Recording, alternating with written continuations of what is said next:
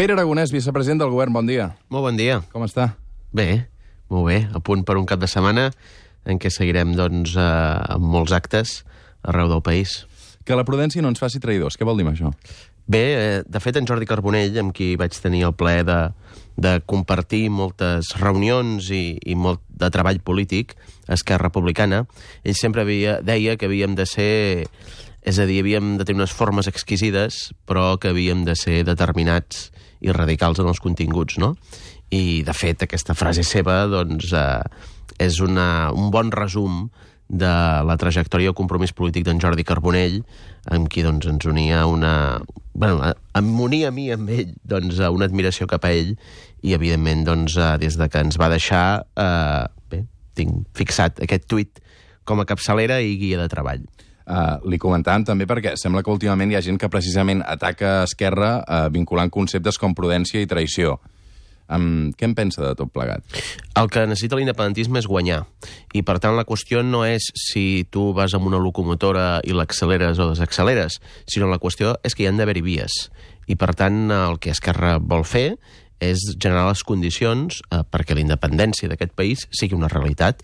I això com ho farem? Doncs ho farem construint àmplies majories, construint complicitats també a l'exterior i enfortint la, la xarxa de la societat civil del país. I, per tant, aquest és, el, aquest és el camí per sortir de la situació actual en la que hem fet molts passos endavant, i l'1 d'octubre va ser un gran pas endavant, però és evident, i a la realitat em remeto, que encara no hem fet el pas definitiu, no? I, per tant, eh, hem de construir les condicions perquè puguem fer aquest pas definitiu i puguem ser un país independent. Diu, l'1 d'octubre va ser un pas endavant. El 27 d'octubre va ser un pas enrere? És a dir, hauria estat més prudent no fer la DUI? Jo crec que ara, si comencem a mirar enrere, doncs segurament podríem posar moltes variables. En tot cas... És important fer autocrítica, no? Sí, evidentment, sempre, sempre.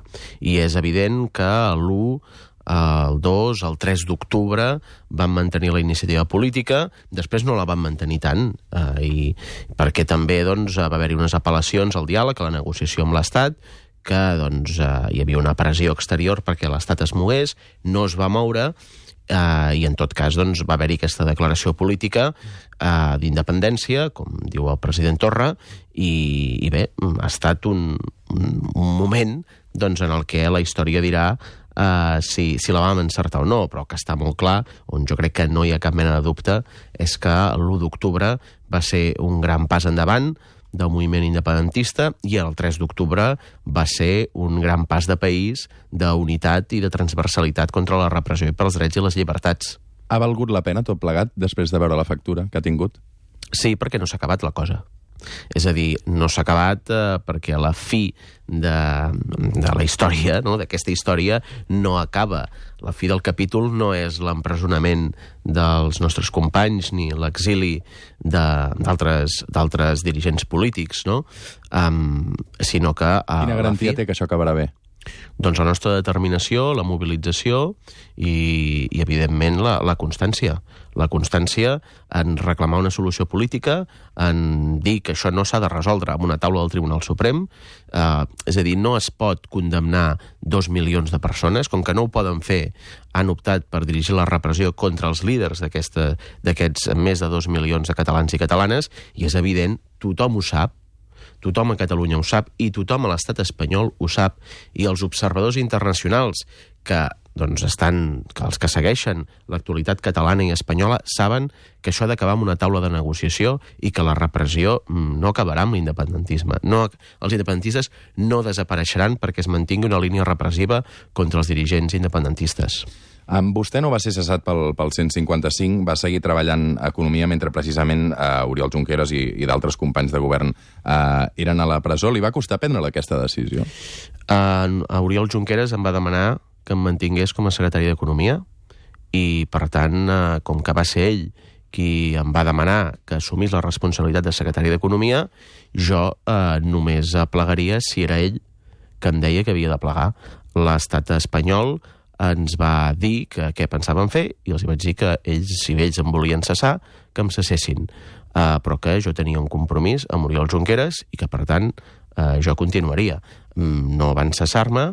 Eh, també eh, és important que quan hi ha una situació de turbulències eh, hi hagi gent eh, que segueixi, si a la nau segueixen havent-hi passatgers, i aquests passatgers són els treballadors públics, són els ciutadans que han de ser destinataris de les polítiques públiques, doncs eh, si quedi gent que comandi. I això és el que vam fer eh, els alts càrrecs que no érem consellers. I ens hi vam quedar perquè ens ho van demanar els nostres consellers. I, evidentment, algú al Departament d'Economia havia de donar la cara davant dels Ministeri d'Hisenda i jo que en creia que tampoc no era adequat era deixar a la interventora general, els directors de pressupostos, els treballadors del Departament d'Economia desprotegits davant de l'Estat. Si algú havia de rebre la pressió del Ministeri d'Hisenda, havia de ser allò.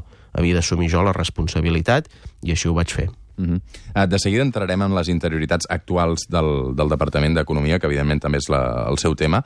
Um, ara mateix, quin grau d'intervenció uh, té el, el, el mateix estat sobre la Generalitat un cop s'ha aixecat aquest 155? Quin és el diagnòstic?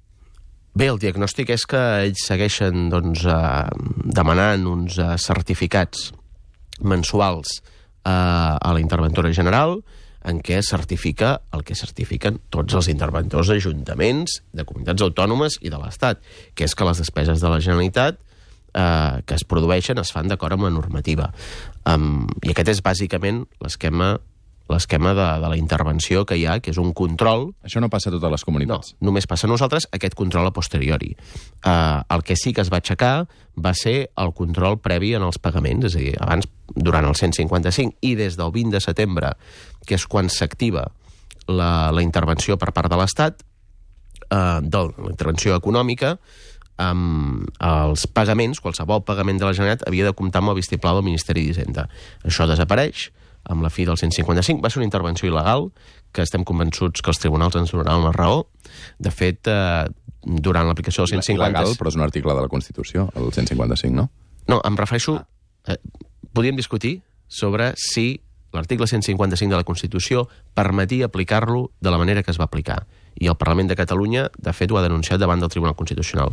El que fa la intervenció econòmica de Montoro, no, aquest 155 avançat, no tenia cap base legal. Ho vam denunciar eh, en el Tribunal Suprem. Eh, el ministre Montoro va intentar, durant el 155, que es retirés aquesta demanda. Nosaltres aquí ens vam eh, quadrar, vam dir que no, que s'havia de mantenir aquesta demanda, i finalment, doncs, eh, no. I en tot cas, que fossin ells qui donguessin l'ordre per escrit, publicada, i que després assumissin les responsabilitats per conflicte d'interès que podia haver-hi, que més podien ser responsabilitats molt importants. Per tant, aquí ens vam quadrar eh, no només jo, sinó els alts càrrecs mm, del govern, eh, i per tant estic convençut que, és a dir, que Montoro acabarà assumint responsabilitats per una intervenció il·legal. Temps al temps. Està convençut d'això? Sí, sí. Mm. Uh, Cristóbal Montoro ja no hi és per això. Bé, però en tot cas les seves accions sí que han tingut conseqüències, han tingut conseqüències perquè eh, va haver-hi doncs, un, uh, retards en pagaments, va haver-hi dificultats eh, doncs, de moltes destinataris del pressupost públic. Vostè assenyala aquí directament a Cristóbal Montoro, sí, sí, responsable sí. de tot això, eh? Evidentment, sí, sí. És a dir, ell va decidir intervenir econòmicament la Generalitat en uns termes que la llei no li permetia fer-ho. El context polític i la connivència doncs, eh, bé, de determinats actors van permetre que això fos possible. Vull recordar que el Departament d'Economia, malgrat estar intervingut, al setembre van pagar nòmines el dia 21 de setembre, amb fons de la Generalitat. Ho vam tornar a fer l'octubre, amb fons de la Generalitat, malgrat tenir l'aixeta tancada. Es va fer el novembre. Mentre s'aplicava el 155, vam seguir pagant les nòmines amb fons de la Generalitat quan l'Estat seguia tancant l'aixeta. Per tant, nosaltres teníem un pla de contingència preparat, que al final vam haver d'executar, perquè l'Estat va executar la seva amenaça de tancar l'aixeta, i malgrat això, les nòmines es van seguir pagant. I això va ser possible... M'està dient que l'estat espanyol volia provocar una, una fallida a Catalunya? No, el que volia fer l'estat espanyol era pressionar eh, perquè eh, estiguéssim, doncs, haguéssim d'acudir amb ells a demanar-los socors per, eh, per poder pagar les nòmines a final de mes. Evidentment, al final Eh, tota l'estabilitat eh, financera està tota creuada, no? i per tant això portat a un extrem, evidentment, si la Generalitat queda molt afectada, arrossega l'Estat i té implicacions en altres comunitats autònomes o fins i tot a nivell d'Unió Europea, no? amb una situació que no hi hem arribat i que hem estat molt lluny d'arribar-hi, però en una situació màxima de fallida hagués arrossegat a l'Estat. Però mm, ells podrien haver, i era la seva idea, escolta'm, que no puguin pagar nòmines i que ens hagin de... Sí, molt referèndum, però no podeu pagar nòmines i veniu a demanar-nos socors, no? Doncs això, que era la gran amenaça de tallar l'aixeta del Fla, no es va produir. I no es va produir perquè hi havia un pla de contingència que sabíem que en una situació de tensió política es podia acabar produint. I, per tant, havíem de ser prou forts per no cedir davant de l'amenaça. Hem parlat molt del passat, vull parlar també del present i sobretot del futur. Situem-nos aquest dimarts. Eh, TNC, vostè era primera fila a la conferència del president Quim Torra, on va dir coses com aquesta. Sumar forces amb tots aquells que el 3 d'octubre van sortir al carrer en defensa dels drets i de les llibertats civils i polítiques i contra la repressió. Tots plegats, els de l'1 d'octubre i els del 3 d'octubre, compartim els mateixos valors republicans. El president Quim Torra parlava de sumar forces, vostè parlava també a l'inici d'aquesta entrevista, ja fa mesos que Esquerra parla d'eixamplar la base de l'independentisme. Um, van alineats en aquesta direcció, Junts per Catalunya i Esquerra? Bé, acaba de posar unes declaracions Sí, sí. del president Torra que van en aquest sentit. Amb el president hem anat compartint moltes reflexions, des de que els dos vam haver d'assumir doncs, les responsabilitats actuals, i és evident que davant d'un estat que quan doncs, portes a terme un procés eh, d'emancipació que inclou un referèndum, et respon enviant-te els piolins i, i diem piolins i sembla que sigui... No, no, dir, t'envia la Guàrdia Civil, la Policia Nacional, doncs, a intervenir en els col·legis. Exercint la violència, és evident que mm, per poder guanyar definitivament eh, necessitem ser molts més, perquè necessitem mm, guanyar per desbordament democràtic. Però té la sensació que es pugui eixamplar gaire més aquesta, aquesta base independentista? Ho dic perquè um, del 47 um, de moment no s'ha aconseguit sobrepassar aquesta xifra i no sé cap on es vol eixamplar perquè els comuns... Eh, no sé si mira precisament cap a aquesta direcció, vostè. Uh, miri, uh, hem començat l'entrevista amb una cita de Jordi Carbonell. Jordi Carbonell, durant uh, els anys 60, 70, 80, 90, formava part d'aquell independentisme minoritari. Ahir vaig estar visitant l'espai Manuel de Pedrolo a Concabella, a Plans de Sió, a la Sagarra. Uh, Manuel de Pedrolo, un escriptor que ara celebra doncs, el centenari del seu naixement, que va patir l'ostracisme perquè no eh, estava d'acord amb els consensos polítics i culturals de la transició. Formava part d'aquell independentisme que era marginal. Jo, quan vaig entrar allò a militar a les Joventuts d'Esquerra fa 20 anys, aquest any ha fet 20 anys, és a dir, passa bastant ràpid el temps, eh, érem quatre gats. Avui som molts. Per tant, eh, podem ser molts més. És a dir, ni a que quan érem al 12% o al 15% eh, no ens vam resignar, pensant que allò era inamovible, ni ara que som al 47-48%, no ens resignem. Per tant, estic convençut que, evidentment, tenim molt marge per endavant per créixer. I Junts per Catalunya creu que també per abans de fer passos endavant cal eixamplar la base o vol pitjar l'accelerador una mica abans que vostès? Jo crec que això qui ho ha de respondre és Junts per Catalunya. Li Sí, farem jo aquesta- no els hi farà la I pregunta. tant, que- Perfecte. I, I tant que els hi faré aquesta pregunta. De fet, eh, dissabte que ve ens visita Laura Borràs, d'aquesta òrbita, també li preguntarem. Um, per què els costa tant portar-se bé Esquerra i Junts per Catalunya a vegades? No, jo crec que eh, hi ha una part lògica, que és que és un govern de coalició, tots els governs de coalició, eh, precisament per la seva naturalesa de coalició, doncs són de forces polítiques diferents. Si, si són diferents les forces polítiques, que tenen alguns punts, Però doncs... hi ha molts eh, punts ideològics similars, no? Bé, nosaltres som independentistes eh, i d'esquerres. Eh, Junts per Catalunya aposta per la independència, però té una visió més de transversalitat ideològica. No? I, a més, és eh, la força política que ha recollit doncs, a l'espai polític també de, de Convergència, del centre-dreta sobiranista. Um, per tant, eh, és lògic que, que puguin haver-hi diferències. L'important és eh, els acords i l'important és el camí que transitem junts.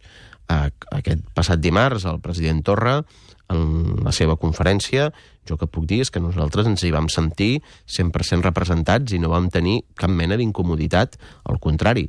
És a dir, crec que va reflectir prou bé la reflexió, el debat estratègic que hem anat fent eh, des de que vam assumir les responsabilitats de govern, el president Torra i jo mateix, però al final el que hem anat fent doncs, els equips d'Esquerra Republicana i de Junts per Catalunya. Les vacances han servit per cosir algunes ferides entre grups parlamentaris? Vull dir Bé, nivell- ens en vam anar de vacances Sí. amb episodis eh, amb faristols, eh, recordo declaracions de Sergi Sabrià i Eduard Pujol discrepant i tirant-se els plats pel cap, si m'ho permet dir així.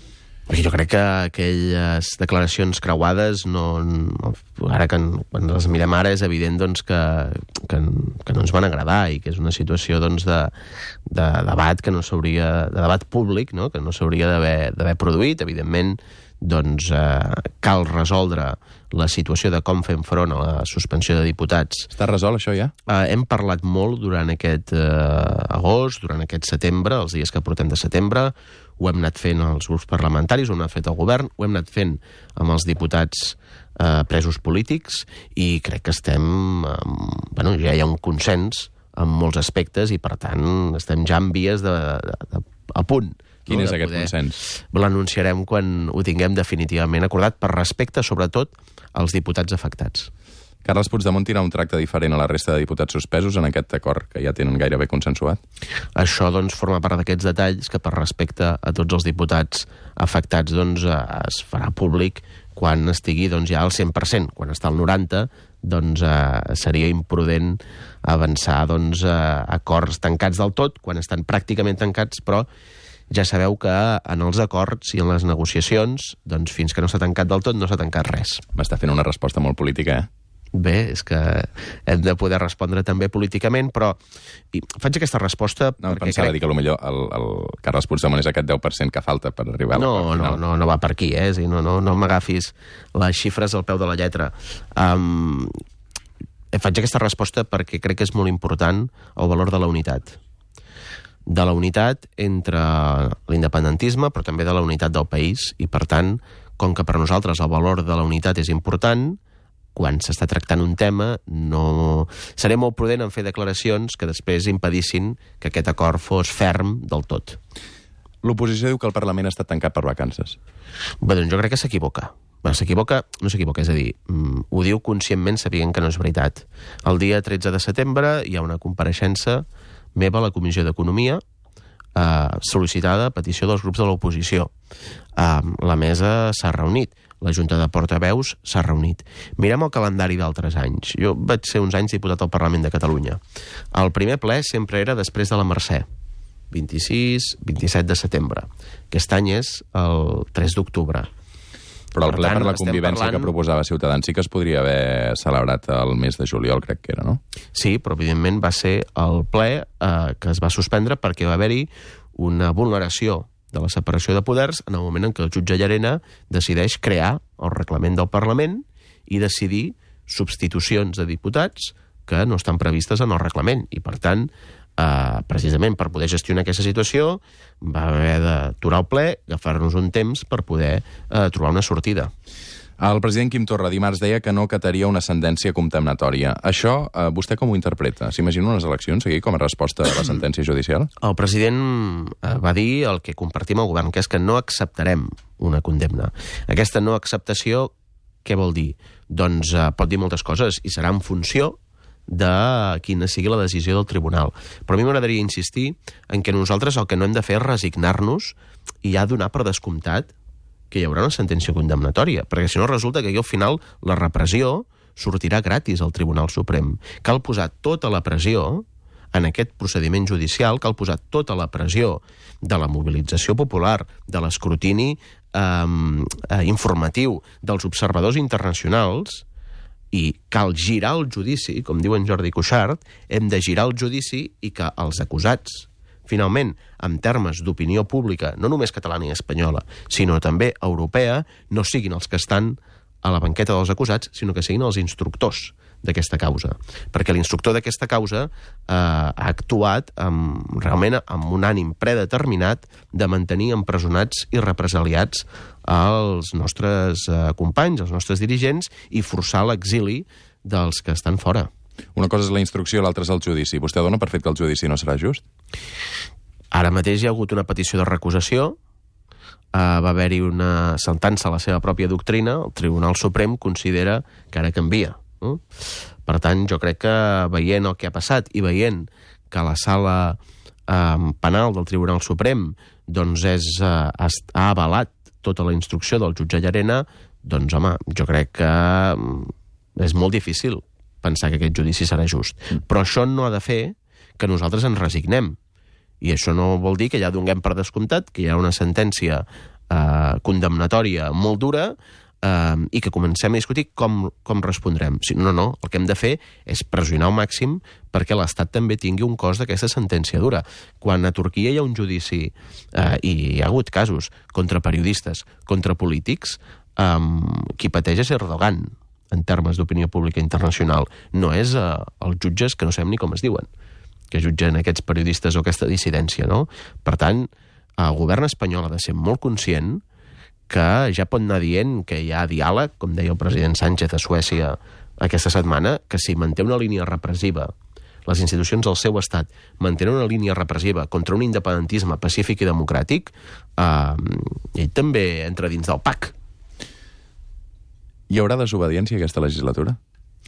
Jo crec que el debat sobre obediència al Parlament o, o desobediència doncs eh, s'ha d'ubicar cada vegada en el context en què hi hagi. És a dir, l'1 d'octubre va ser una actuació que vam fer eh, malgrat que sabíem que l'Estat hi estava en contra i que ens advertia amb la seva llei. Eh, I ho vam fer per què? Va perquè, ser un acte de desobediència. Perquè va ser un pas endavant. Um, per tant, eh, no és, no, és a dir, no és una qüestió d'un principi d'actuació uh, que hem de desobeir perquè sí. No, no. És a dir, crec que les actuacions que fas les has de fer en funció del que puguis avançar. I l'1 d'octubre ens ha permetre avançar molt. Molt. Uh, I retrocedint d'altres aspectes, també. Bueno, no ha estat, eh, diguem que el guany no ha estat en tots els àmbits, però sí que és veritat que l'1 d'octubre ha estat un gran pas endavant. Uh, i hem, hem, finalment doncs, s'ha doncs, posat de manifest la naturalesa repressiva de l'Estat, quan es fa referència a la corona, quan es fa referència a la unitat d'Espanya, uh, però més, um, ha estat l'1 d'octubre, uh, ha canviat la dinàmica del procés d'independència i la, jo crec que l'ha canviat en positiu, perquè ha situat la necessitat de ser molts més, de, de la necessitat de guanyar per desbordament democràtic i, evidentment, eh, que ha d'anar lligat amb la implicació d'institucions i ciutadania. 8 de setembre de, de 2018. Vostè ara mateix eh, s'imagina alguna manera que no sigui la unilateralitat per arribar a la independència amb l'escenari que tenim, amb un govern socialista, en aquest cas, que també ha capgirat una mica les coses des que hi, ha el, des que hi havia el, el Partit Popular? A la independència, finalment, hi arribarem com s'arriben totes les independències, que és amb una taula de negociació. Totes les independències que s'han acabat consolidant han acabat amb una taula de negociació amb un acord entre l'estat matriu, diguem, del que es separa el nou estat eh, i l'estat emergent. Um, en alguns casos això ha estat més accelerat perquè l'estat matriu estava en descomposició, Unió Soviètica o Iugoslàvia. També en alguns casos està més accelerat perquè hi havia doncs, eh, un, un suport internacional de les grans potències, si s'impliquen els Estats Units, si s'impliquen altres grans potències. No és el nostre cas. Uh, per tant, nosaltres hem de generar les condicions per poder guanyar en aquesta negociació i creiem que per generar aquestes condicions necessitem àmplies majories i amplis consensos i després les actuacions i la tàctica dependran de cada context. Quina proposta té l'actual govern de la Generalitat pels no independentistes catalans, que com bé sap són molts? Doncs nosaltres apel·lem als, als tres consensos del 80%. Tenim un 80% de la ciutadania que considera que eh, el conflicte Catalunya-Espanya s'ha de resoldre eh, en una taula de negociació i s'ha de resoldre després a les urnes, amb una votació, amb un referèndum. Mm, per tant, hem d'apel·lar a aquest 80%. Tenim un 80% de la ciutadania que està en contra de la repressió, sigui o no independentista, però considera que la via no és la repressió. Tenim un 80% de la ciutadania que quan li preguntes monarquia o república prefereix la república com a forma de govern. I després, evidentment, tenim una capacitat de la Generalitat limitada, però que no hem de renunciar a utilitzar-la, per fer polítiques avançades. És a dir, a Catalunya, durant tots aquests anys mm, del procés independentista, s'han aprovat les lleis més avançades i més progressistes del sud d'Europa. Vam impulsar la dació en pagament a les hipoteques. Ho vam fer a través d'una ILP de la plataforma d'afectats per la hipoteca que va aprovar el Parlament de Catalunya. Ho vam fer també portant al Congrés espanyol per primera vegada la dació en pagament. Hem aprovat la renda garantida de ciutadania. Vam aprovar els primers impostos eh, sobre l'activitat eh, financera, com ara s'està plantejant el govern espanyol. Per tant, eh, també crec que és important tenir present que hem eh, aprovat i hem impulsat en alguns casos doncs, les hem pogut aplicar, en d'altres doncs, eh, hem tingut l'oposició de l'Estat, sobretot quan el Partit Popular doncs, eh, impugnava aquesta normativa um, i, i ho hem fet uh, les, en aquestes mesures que són de les més progressistes d'Europa. Mentre hi ha països en què hi ha una onada antiimmigració i una onada en contra dels refugiats, i ho veiem a Hongria, ho veiem a Itàlia, ho estem veient ara amb les eleccions sueques, ho estem veient al Regne Unit, ho hem vist amb la victòria o, o els bons resultats de l'extrema dreta a, a Holanda, a França, amb l'entrada d'una no, dreta dura com l'alternativa per a Alemanya en el Parlament alemany, i en canvi aquí aprovem un, una llei d'universalització de la sanitat, que finalment l'Estat retirarà el recurs i, per tant, allò que ja fèiem ho podrem eh, consolidar i obrim els ports de Catalunya per poder acollir els refugiats rescatats al Mediterrani. Per tant, nosaltres també estem compromesos amb una lluita més global que hi ha que davant d'aquest autoritarisme i populisme reaccionari nosaltres ens situem en l'avantguarda democràtica i progressista.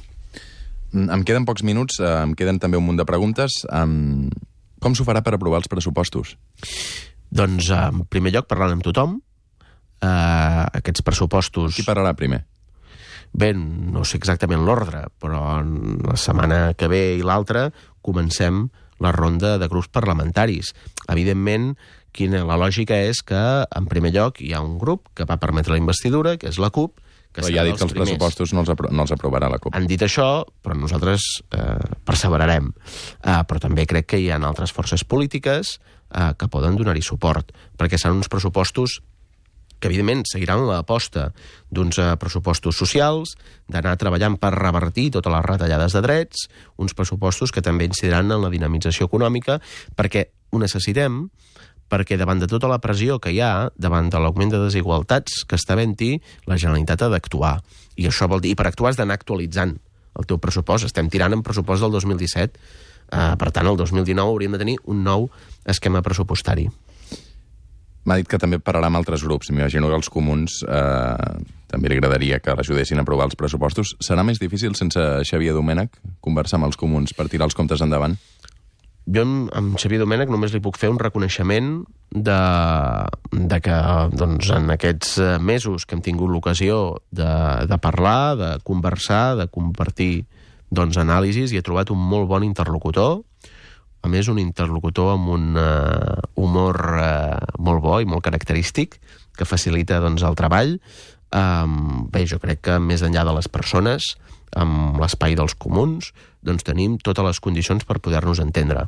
Per l'orientació del pressupost, per les necessitats i la tàctica, diguem, a curt termini, de, de que entenem que això s'ha de resoldre eh, mitjançant una votació, mitjançant un referèndum d'autodeterminació, eh, que és una idea que ells també hi participen. Per tant, hi ha molts elements que ens haurien de portar a poder acordar no els pressupostos, sinó moltes coses amb els comuns. A Junts per Catalunya també li sembla bé negociar amb els comuns pels pressupostos? Bé, el president Torra ha dit públicament que espera que hi donguin suport. Per tant, eh, no puc fer altra cosa que coincidir al 100% amb el president. Mm -hmm. Ha tingut temps per calcular quantes empreses van marxar, eh, van canviar de seu social eh, després de l'aplicació del, del, del, del 155 eh, en aquests mesos convulsos? De... Sí, aquí hi ha diferents xifres, estem parlant de canvis de, seus, de la seu social. Per tant, és un canvi administratiu de papers, diguem, eh, d'on estàs en el registre mercantil, estem parlant d'unes 4.000 societats. 4.000 societats. Però... Coincideix amb el president de la, de la Cambra de Comerç que deia aquesta setmana quan he fet 4.500 les empreses que van marxar pel procés, deia. De totes maneres, a mi m'agradaria destacar que l'important és que no marxin els centres productius. És a dir, les oficines no es mouen. Es mou, el, diguem, la finestreta del registre on està registrada una empresa. Um, evidentment, és molt millor tenir les seus socials que no pas no tenir-les. Eh, hi ha empreses que estan començant a revertir aquesta, aquesta decisió, no?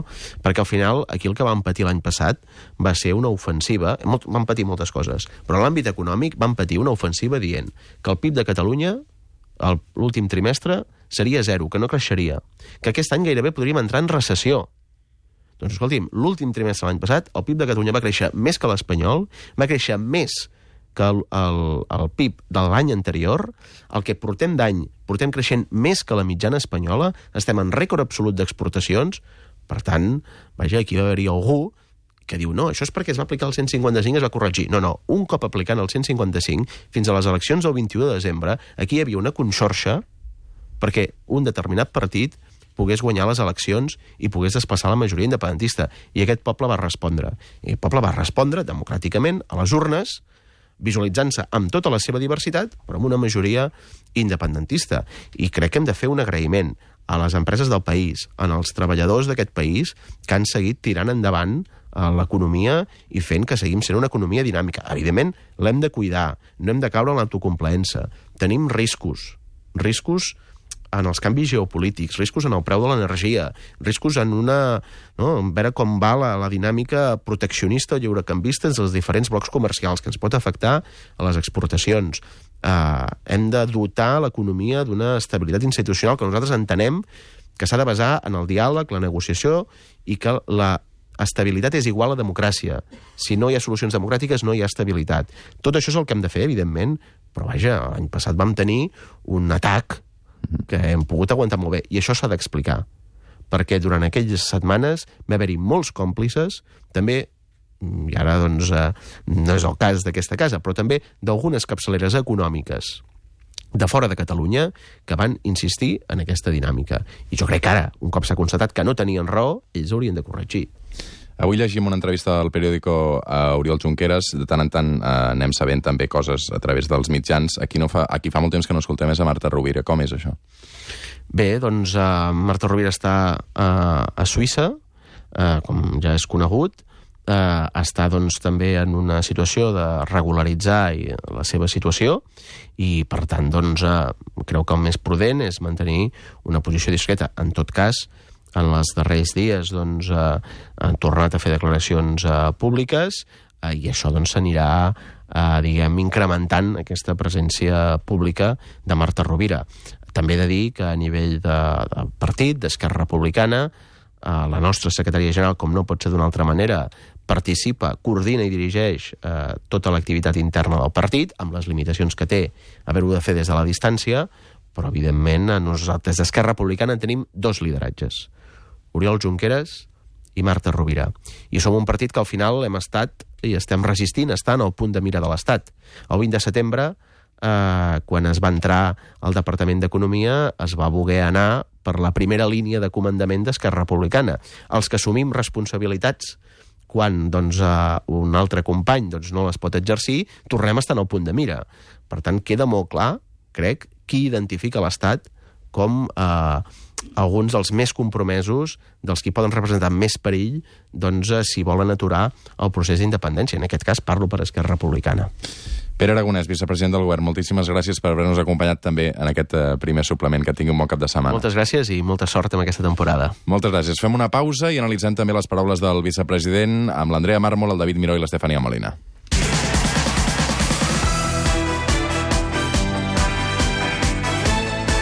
El suplement amb Roger Escapa.